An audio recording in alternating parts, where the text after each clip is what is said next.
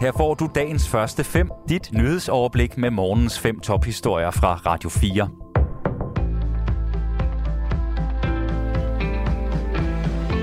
Det er mandag den 27. juni. Mit navn er Signe Ribergaard Rasmussen.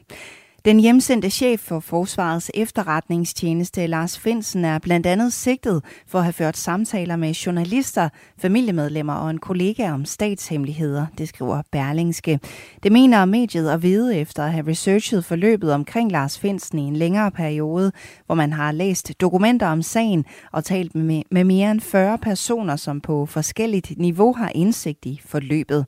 I alt er Lars Finsen sigtet for ni forhold, hvoraf fire af dem handler handler om, at han skal have talt med forskellige journalister om netop statshemmeligheder. Fire andre forhold handler ifølge mediet om, at han har talt med sin mor, sin bror, sin kæreste og en tidligere kollega om den såkaldte FE-sag eller lækagesag. Det niende forhold handler om en artikel i Berlingske, hvor Østrelandsret dog siden har vurderet, at der ikke var begrundet mistanke. Lækagesagen handler i korte træk om, at Lars Finsen sammen med tre andre blev anholdt i begyndelsen af december sidste år og sigtet for at lægge højt klassificerede oplysninger. Siden er alle blevet løsladt igen, men sigtelsen mod blandt andet den tidligere FE-chef er altså blevet opretholdt. Dødstallet i Sydafrika er steget til 21 blandt de unge mennesker, som pludselig lå livløse på en bar. Det oplyser de sydafrikanske myndigheder. Årsagen til tragedien er ikke kendt endnu. Lin er ved at blive undersøgt for at finde ud af, om de unge eventuelt kan være blevet forgiftet på baren. Mange af de døde menes at have været i gang med at fejre, at deres eksamen var overstået, og nogen var ned til 13 og 14 år gamle, oplyser den sydafrikanske politimester. Hændelsen fandt sted i byen East London i den sydlige del af landet.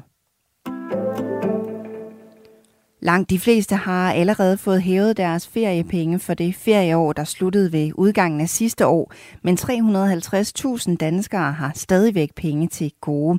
Det oplyser ATP, som står for administration af lønmodtagernes feriepenge. Danskerne har 1,35 milliarder til gode. De uhævede feriepenge ligger typisk på et meget mindre niveau end de her 1,3 milliarder, vi nu ser, at, at ca. 350.000 lønmodtagere har til gode.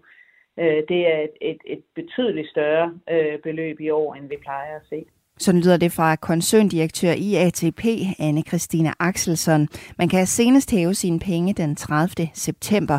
Herefter så er der en periode, hvor man fortsat kan få adgang til beløbet, men det kræver, at man går igennem en mere besværlig ansøgningsproces. Det er svært at sige, hvad der helt præcist ligger bag udviklingen her, siger koncerndirektøren. Jeg tror, at øh, vi ser nogle lidt ændrede feriemønstre. Det kan der være flere grunde til. Covid-19 har helt sikkert spillet en rolle i, hvordan folk, danskerne afvikler ferie. Øh, og samtidig så fik vi også en ny ferielov i efteråret 2020, hvor vi gik over til samtidighedsferie. Og det kan også have påvirket feriemønstret.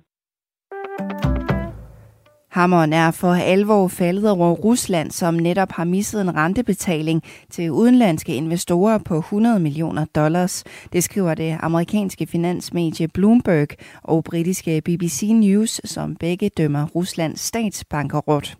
Den 27. maj missede Rusland en rentebetaling, som landet skulle have betalt i dollars, fordi der efterfølgende er gået 30 dage uden at kreditorerne har set noget til deres penge, så er landet statsbankerot, skriver BBC News. Normalt så er det op til de store kreditvurderingsvirksomheder at erklære et land for statsbankerot, men de tre største kreditvurderingsvirksomheder har fået forbud fra EU mod at kreditvurdere Rusland, og derfor så kan de altså ikke erklære landet statsbankerot. Der kommer mindre og mindre pres på de klinikker, som behandler coronasenfølger, det skriver DR. Bispebjerg og Frederiksberg Hospital i Region Hovedstaden er nogle af de hospitaler, der oplever et fald. Her er antallet af månedlige henvisninger med coronasenfølger faldet fra ca. 200 til 30, fortæller lægefaglig vicedirektør Kirsten Visborg. Vi har i det her halvår set markant færre henvisninger til vores senfølgeklinikker, end det vi så, da vi åbnede klinikkerne i starten af 2021, siger hun til DR.